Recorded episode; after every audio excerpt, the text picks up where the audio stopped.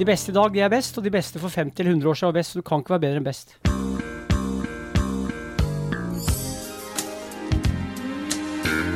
Du kan ikke være bedre enn best. Du, eh, vi kan jo starte med å, å prate litt om den fasten du nettopp Ja, ja. eh, hadde. For dem som også hører, hører på Wolfgang V. Og f- Nå var ikke så- Han spurte, så det var Bare spør, du. Jeg, bare si fra når du begynner, eller bare spør, jeg svarer. Nei, vi har begynt, vi. Ja, ja, ja. Ja.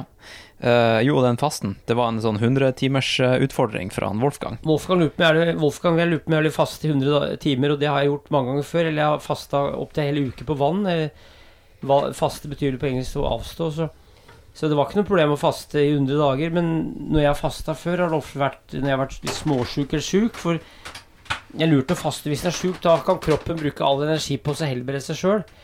Men nå var det sånn 100 timers fast, eller 115 timer ble det da, og jeg kutta ut skigåinga for at jeg liker ikke å gå på ski og trene når jeg faster. Altså bare drikke vann, da. Mm. For det er jo flere typer faste, men faste er strengt tatt bare å drikke vann. For hvis du f.eks. drikker gulrotsaft eller grønnsakssaft, så, så er det mat, altså. Men da, da avstår du fra, fra, fly, fra fast føde. Men her var da bare vann. Så det gikk bra, det, altså. Men jeg jobba litt roligere og, og gikk tur og, og gikk ikke på ski. Mm.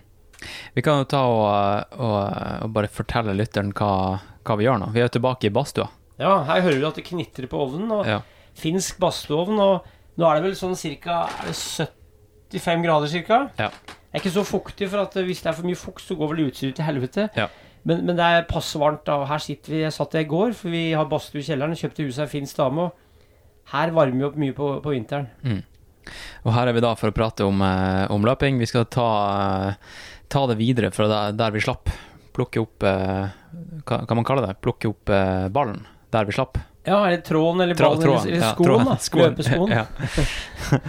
ja. eh, Og der vi slapp, da, det var jo, eh, det var jo egentlig Vi kom vel opp til sånn type Grete Waitz og Inger Kristiansen, og så bare fant vi ut at shit, det her er en ny podkast, vi kan ikke avslutte med det. Vi må, vi må, vi må gå litt mer til verks i, eh, i, norsk, eh, i norsk historie, løpehistorie, friidrettshistorie, og eh, i mellomtida nå, mellom de her to podkastene, så har jeg lest uh, den Kvalheim-brødrene-boka som du har skrevet. Var det noe nytt der? Der var det mye snacks. Ja. Der var det mye snacks. Så um, ja, fortell litt om skriveprosessen til den boka der. da. Jeg var jo Jeg spurte jo Arne og Knut i 2019 om jeg kunne lage en bok om de, og de var ikke sikre på, i hvert fall Knut, da var ikke sikker på om det var noe interessant å skrive om. For han, han har aldri vunnet OL og VM, som han sa. Så han, han sa litt på tull at han betrakta karrieren som mislykka. Mm. Eh, for han sikta mot å vinne både OL og, og EM. Så VM kom i 83, han la jo opp før, så det var ikke noe EM da. Eller det var ikke noe VM, det var EM. Men jeg sa at jeg skal jo skrive historien om løping, da.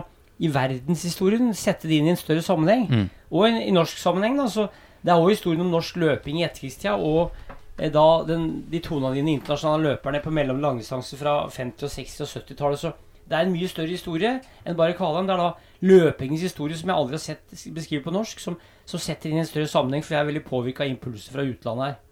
Det er det jeg syns er så kult, det at, at man tar Man ser på det i en kontekst av hva som skjedde ellers ut, der ute i verden. Og, og det som slo meg, da var at uh, treningslære, det er jo egentlig ganske nytt. Og, men, men eldre enn jeg skulle tro. Da jeg vokste opp på 90-tallet, så trodde jeg liksom at eh, det vi lærte da, det var liksom det, det siste. Det var det beste. Men uh, når jeg ser eh, nå da, det jeg har lest i både den her løping, en verdenshistorie og den Kvalheim-brødrene-boka, så er jo veldig mye det Det er jo egentlig forankra fra liksom 50-tallet og New Zealand. Ja, og du kan si at uh, du har en som heter Arthur Lydiard, født i 1916, vokste opp på New Zealand. og Han, han var eh, løper, eller begynte å løpe da. Han ble, var rundt 30 år, begynte å bli feit og begynte å løpetrene. og Da løp jo han sammenhengende turer. For før Lydiard så hadde det vært veldig mye trening både på bane og eh, intervall. Eh, De første som studerte løping ordentlig vitenskapelig, var tyskere, vil jeg påstå, i mellomkrigstida. Så, og de fant ut intervall det her, det her med intervall altså, Intervall er faktisk den tida mellom draga. Så det er da intervaller, hvis du skjønner. Det er ikke draga i seg sjøl, det er tida mellom, mellom draga som er, kalles intervall. Og det var mye langintervall, som de fant ut i 30-åra at hvis du løp så så langt, eh, noen minutter og hadde så så lange pauser, så fikk du økt kondisjon. Det går tilbake til mellomkrigstida. Og da Lydia begynte etter krigen, så eh, Eller faller ringer telefonen. Jeg ta den? Ja, ja. har, har han Tor en eh, Han har bare fasttelefon. Eh, og jeg trodde han bare hadde én, og den som eh, da står oppe i eh, første etasje i stua. Men han har jo da tydeligvis en, en telefon her nede i kjelleren også, som han nå hørte. Så ja, her er, det, her er det varmere enn sist, folkens. Det kan jeg bare melde. Det er fuktigere. Jeg håper at elektronikken eh, fungerer hele veien. Eh, jeg har eh, Jeg tror jeg har forsikra utstyret, og hvis ikke så får eh, mine patrions betale for det, fordi eh, jeg, jeg tror det er verdt det. det. Ja, det er rart det der. Det er litt sånn eh, metoo-opplegg at liksom ja. Det var ikke innafor før, men det var mer innafor. Ja, ja, ja, ja, ja. Ja. Hvor var vi, eh, vi eh, Lydiard, ja. Vi snakka litt om, eh, om Lydiard, da. Intervall, og så Ja, Jeg sa at det var tyskere drev seriøse vitenskapelige studier i mellomkrigstida. Og så, Ja. og så Lydiard begynte å trene da i slutten av 40-åra, løpe. mm. ja. Hvem var det han trente, da? Altså Artie Lydiard så Først så trente han for seg sjøl, for han var jo da løper og, og trente resten for å bli bedre. Og så, og så begynte han å trene Og han fant ut at hvis han løp lange sammenhengende turer, eller, eller lengre sammenhengende turer, da Og han har visst eksperimert med helt opp i 50 mil i uka, har jeg hørt. Eh, jeg vet ikke om det stemmer, men altså han jobba jo, jobba jo full dag. Og jeg lurer på om han jobba i skofabrikk eller noe sånt. i Han jobba, og han løp da før morgenen, etter, før jobben og etter jobben. Og så begynte han å trene en klubb i eh, en sånn klubb i New Zealand, altså i Auckland. da Auckland er jo hoved, ikke hovedstaden, det er Wellington, men Auckland er den største byen på New Zealand. Ja, ja. Og han begynte å trene en klubb der, og, og da begynte han bl.a. med og, prinsippet om da å løpe en langtur hver søndag. Det var 20 miles.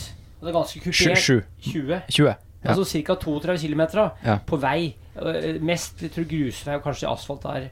Men i hvert fall 32 km hver søndag. Det var liksom langturen.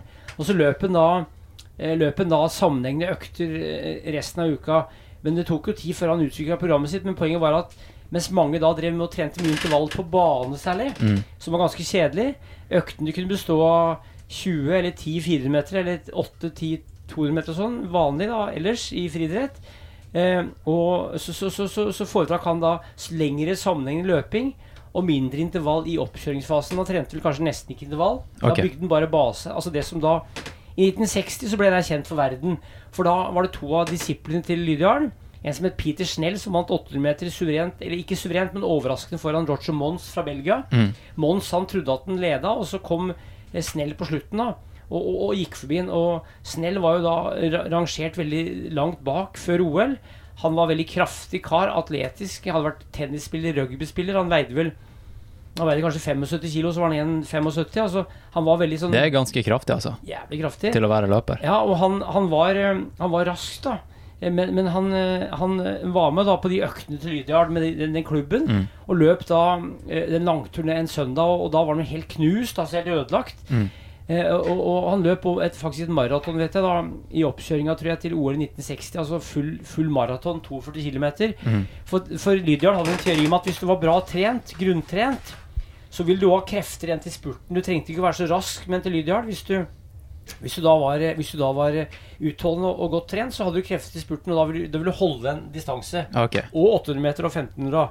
Så Lydiard han fant, fant ut ting som, som kanskje delvis noen finske eh, løpere og trenere fant ut før krigen, men, men da hadde de ikke trent så mye og så systematisk.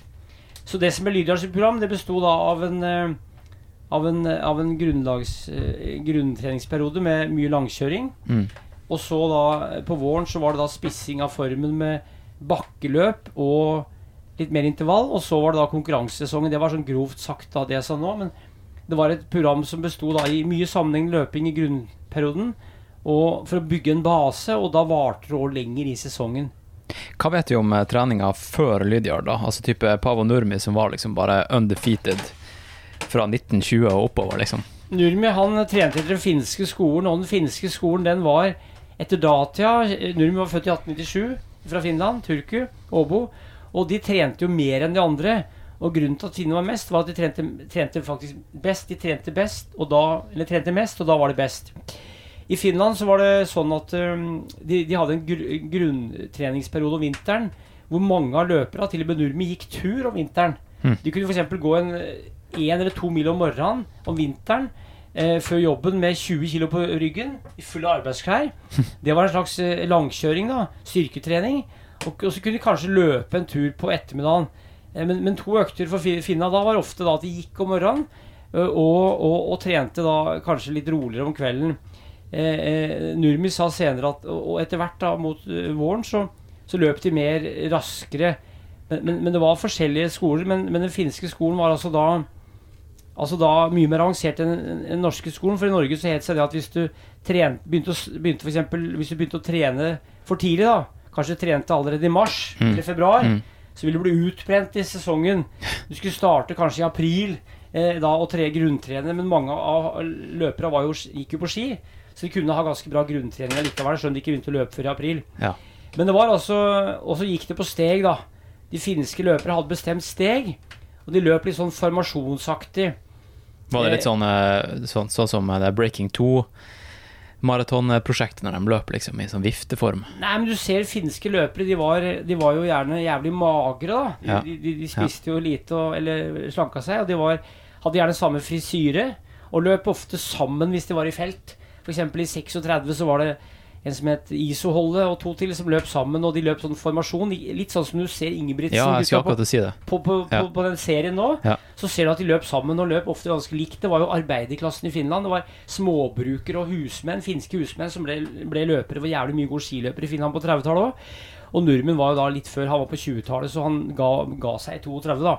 Men Nurmi han, han løper jo, løper jo 10 000 på litt over 30 på grus, det er jo dritfort. Ja. Og løper maraton på 2,20, men det var ikke offisielt, for han ble diska som proff i 32 og fikk ikke være med i OL i Los Angeles. Diska som proff, ja. Ja, Det er så drøyt. Ja, Ja. eh, og så, så, men det vi kan eh, For å sammenfatte det, så var det altså De trente mer enn de andre, og, og det var mange som gjorde det.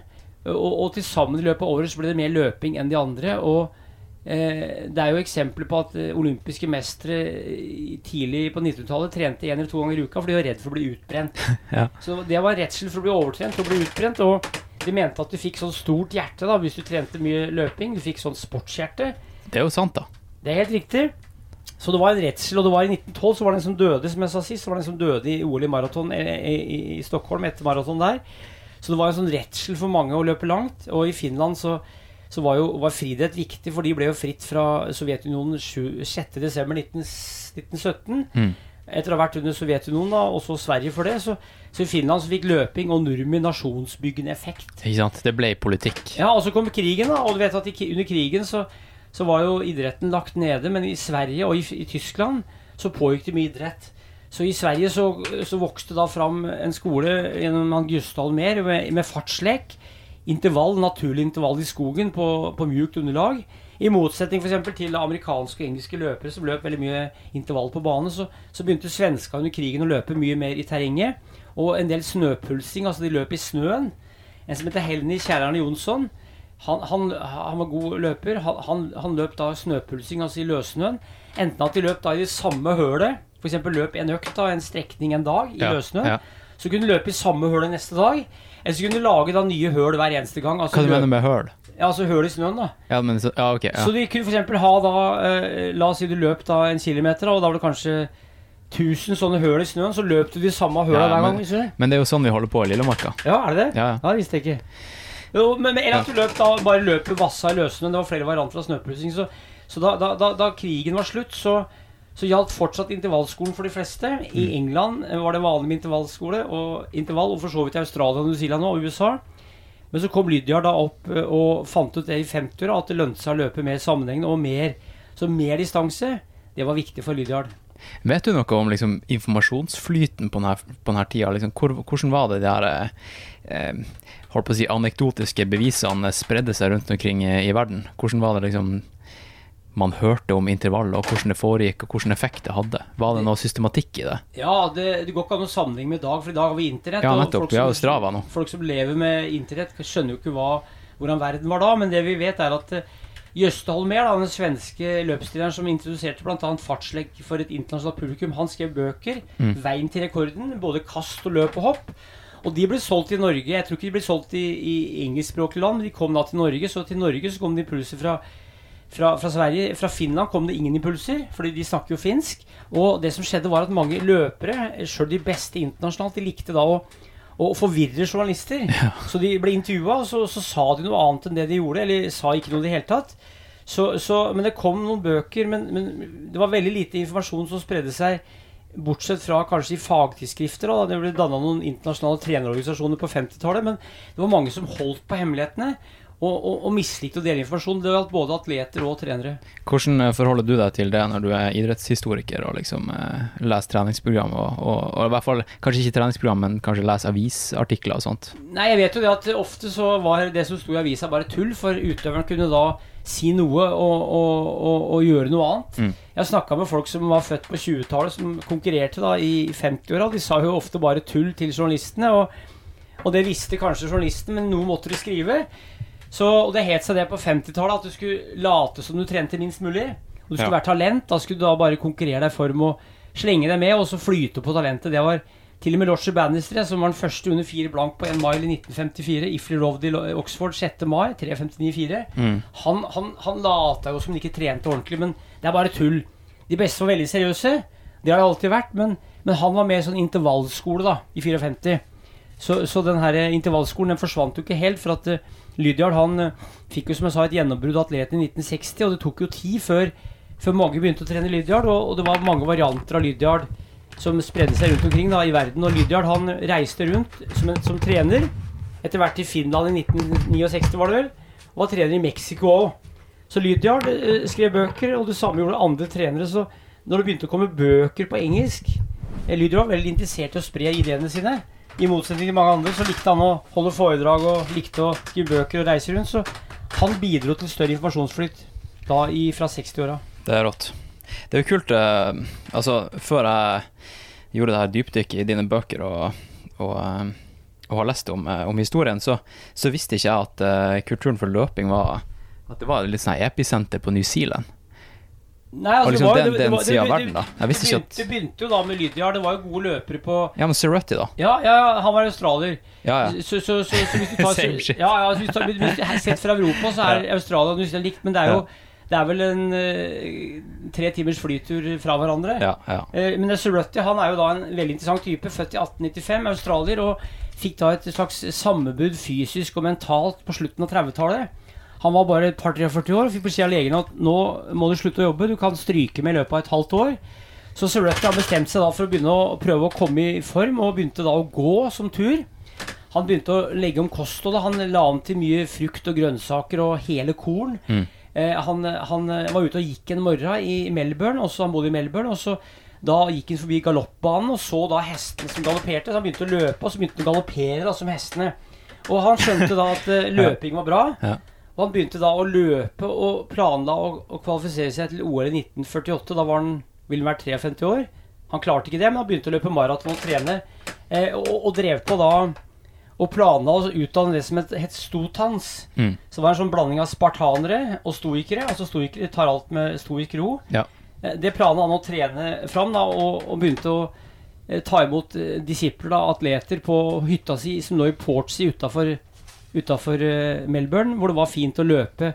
Herbie Elliot var en av hans eh, elever, ikke sant? Riktig. Og du vet at Elliot, han, han var jo fra Perth, som er på andre sida av Australia. Jeg har vært i Australia ti Ja. ganger. Og han var egentlig roer i oppveksten. En veldig atletisk type. Jeg tror han spilte tennis òg. Jævlig atletisk kar. Slanke bein. Og han var da på, på um, åpninga av OL i, i, i Melbourne 1956. Det, det, da var han 18 år. Eh, 18, 18 år, ja. Og han Han, eh, han, eh, han røkte, og da hadde han gått opp litt i vekt og sånn, men da, da bestemte han seg for å prøve å satse mot neste OL, Mm. og trene under Cerruti. Eh, og og da, da hadde han en jobb i Melbourne, og så dro de til helgene. I helgene så dro de til eh, og trente knallhardt. Og, og Cerruti var, var, var knallhard, og han var jo en slags guru for han. Og, og Elliot tålte alt. Ikke sant? Det tror jeg var viktig for han Elliot, for at uh, han, han ruinerte mange utøvere, altså. Senere gjorde han det, og du vet at Elliot han var jo han var jo sånn type som, som løp langturer, visstnok på oppi 120 km, men han løp mye i sand, sanddynene. Mm. Og Cerruti han var i jævlig god form sjøl. Han var jo 60 år i 1955, og i 1952 så var det OL i Finland. Og da hadde Cerruti tatt båten over da fra, fra, fra Australia for å se på OL. Mm. For han hadde den store helten, det var Emil Satopek fra Tsjekkoslovakia. Så Cerruti han dro da til Finland, kom med båt For å se han Emil. Ja, han dro. Dro, dro med båt fra Australia til London. Så tok han, tok han toget da, og båt over til Helsinki. Og så- Tuller du? Tok han båt hele veien? Ja, han tok båt fra Australia, det var vel seks uker cirka på båten. Eh, men, men da trente han underveis, da. Ja, og han ja. gikk jo i kortbukse og var sånn nudist halvveis. Så kom han til Helsinki, da, og der traff han Satupek. Og Satupek var jo verdens greieste kar, så Satupek hadde, og Sirutti hadde ikke noe sted å bo, hadde ikke noe særlig penger heller. Så Satupik hadde invitert Cerruti, så de lå i samme seng da, den neste, neste natta. Det omskjerves i hver sin retning, da. Og da, og da, og da, og da fikk han eh, ble kompis med Satupik, og det som han sa han Cerruti, var at Satupik hadde jo veldig sånn anstrengt løpesett. Tilsynevis. Det så ut som han gikk gjennom skjærsilden hver gang han løp. Overkroppen gikk eh, att og fram, og arma kava så det ut som. Men hvis du så på beina til Satupik, så var det mye riktig. Ja. Han løp veldig bra med beina. Altså, Cerruti hadde vel en teori tror jeg, om at beina hos en god løper skulle ligne på, ligne på en travhest. En god travhest. Ja. Så Cerruti han eh, dro tilbake derfra, fikk nye impulser og uttrykka programmet sitt. Da, og så fikk han eh, Elliot som elev og kom da til Norge. Var på europaturné i 58 og var her og løp da på Bislett. Da Arne Hammarsland løp på 3.39,8 og var den første i Norden under 3.40 på 15 Oi. Og da, da var eh, Sir Cerruti var da kompis med en som heter eh, Arne Nytrø, som Ja. var trener i Tjalve fra Selbu. Eh, Og, og han var visst eh, var her, og, og han var jo var, eh, var i Holmenkollen og Jeg intervjua Elliot. Du har det. Han, I 2011 så var jeg i Australia en måned, og da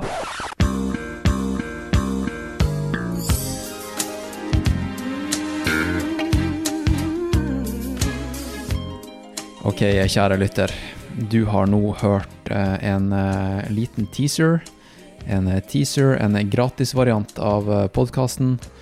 Resten av eh, episoden den eh, kan du høre inne på patrion.com slash nedaproject. Og eh, ikke bare kan du høre resten av denne episoden, men du kan høre alle framtidige episoder av podkasten og alle episoder som har vært. Det er jo godt over 150 episoder som ligger inne på Patrion.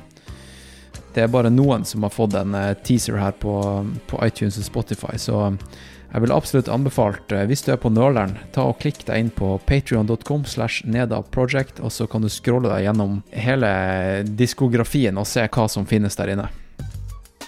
Så kan jeg si det at eh, jeg bruker Patrion som eh, finansieringsmodell hovedsakelig fordi at jeg har mest lyst til å bruke tida mi til å lage fete podkastepisoder, sånn som den du nettopp hørte.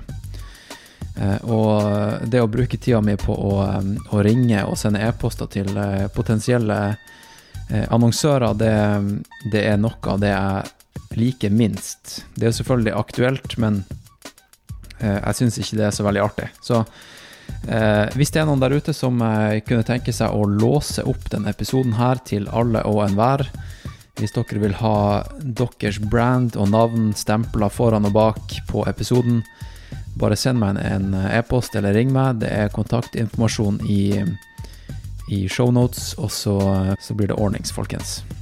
Men eh, eh, hvis du vil høre dagens episode, gå som sagt inn på patreon.com slash nedaproject, og så kan du høre den episoden der, og alle andre episoder som har vært, og alle episoder som kommer. I tillegg så får du da tilgang til en Slack-kanal der du kan snakke med meg og alle de andre lytterne av podkasten. Så da, hvis du har lyst til å eh, lære mer om eh, ultraløping eller klatring, eller få inspirasjon fra andre lyttere, eh, snakke med andre likesinnede, dele YouTube-videoer, whatever, liksom. Så, så finner du det inne på Slack-kanalen til Nå er det alvor. Og det får du kun tilgang til hvis du er Patrion. Så jeg vet ikke helt hva dere eh, nøler med, folkens. Kom dere inn på Patrion, og så eh, snakkes vi der inne. Ok? Over og ut, Roger og Knut.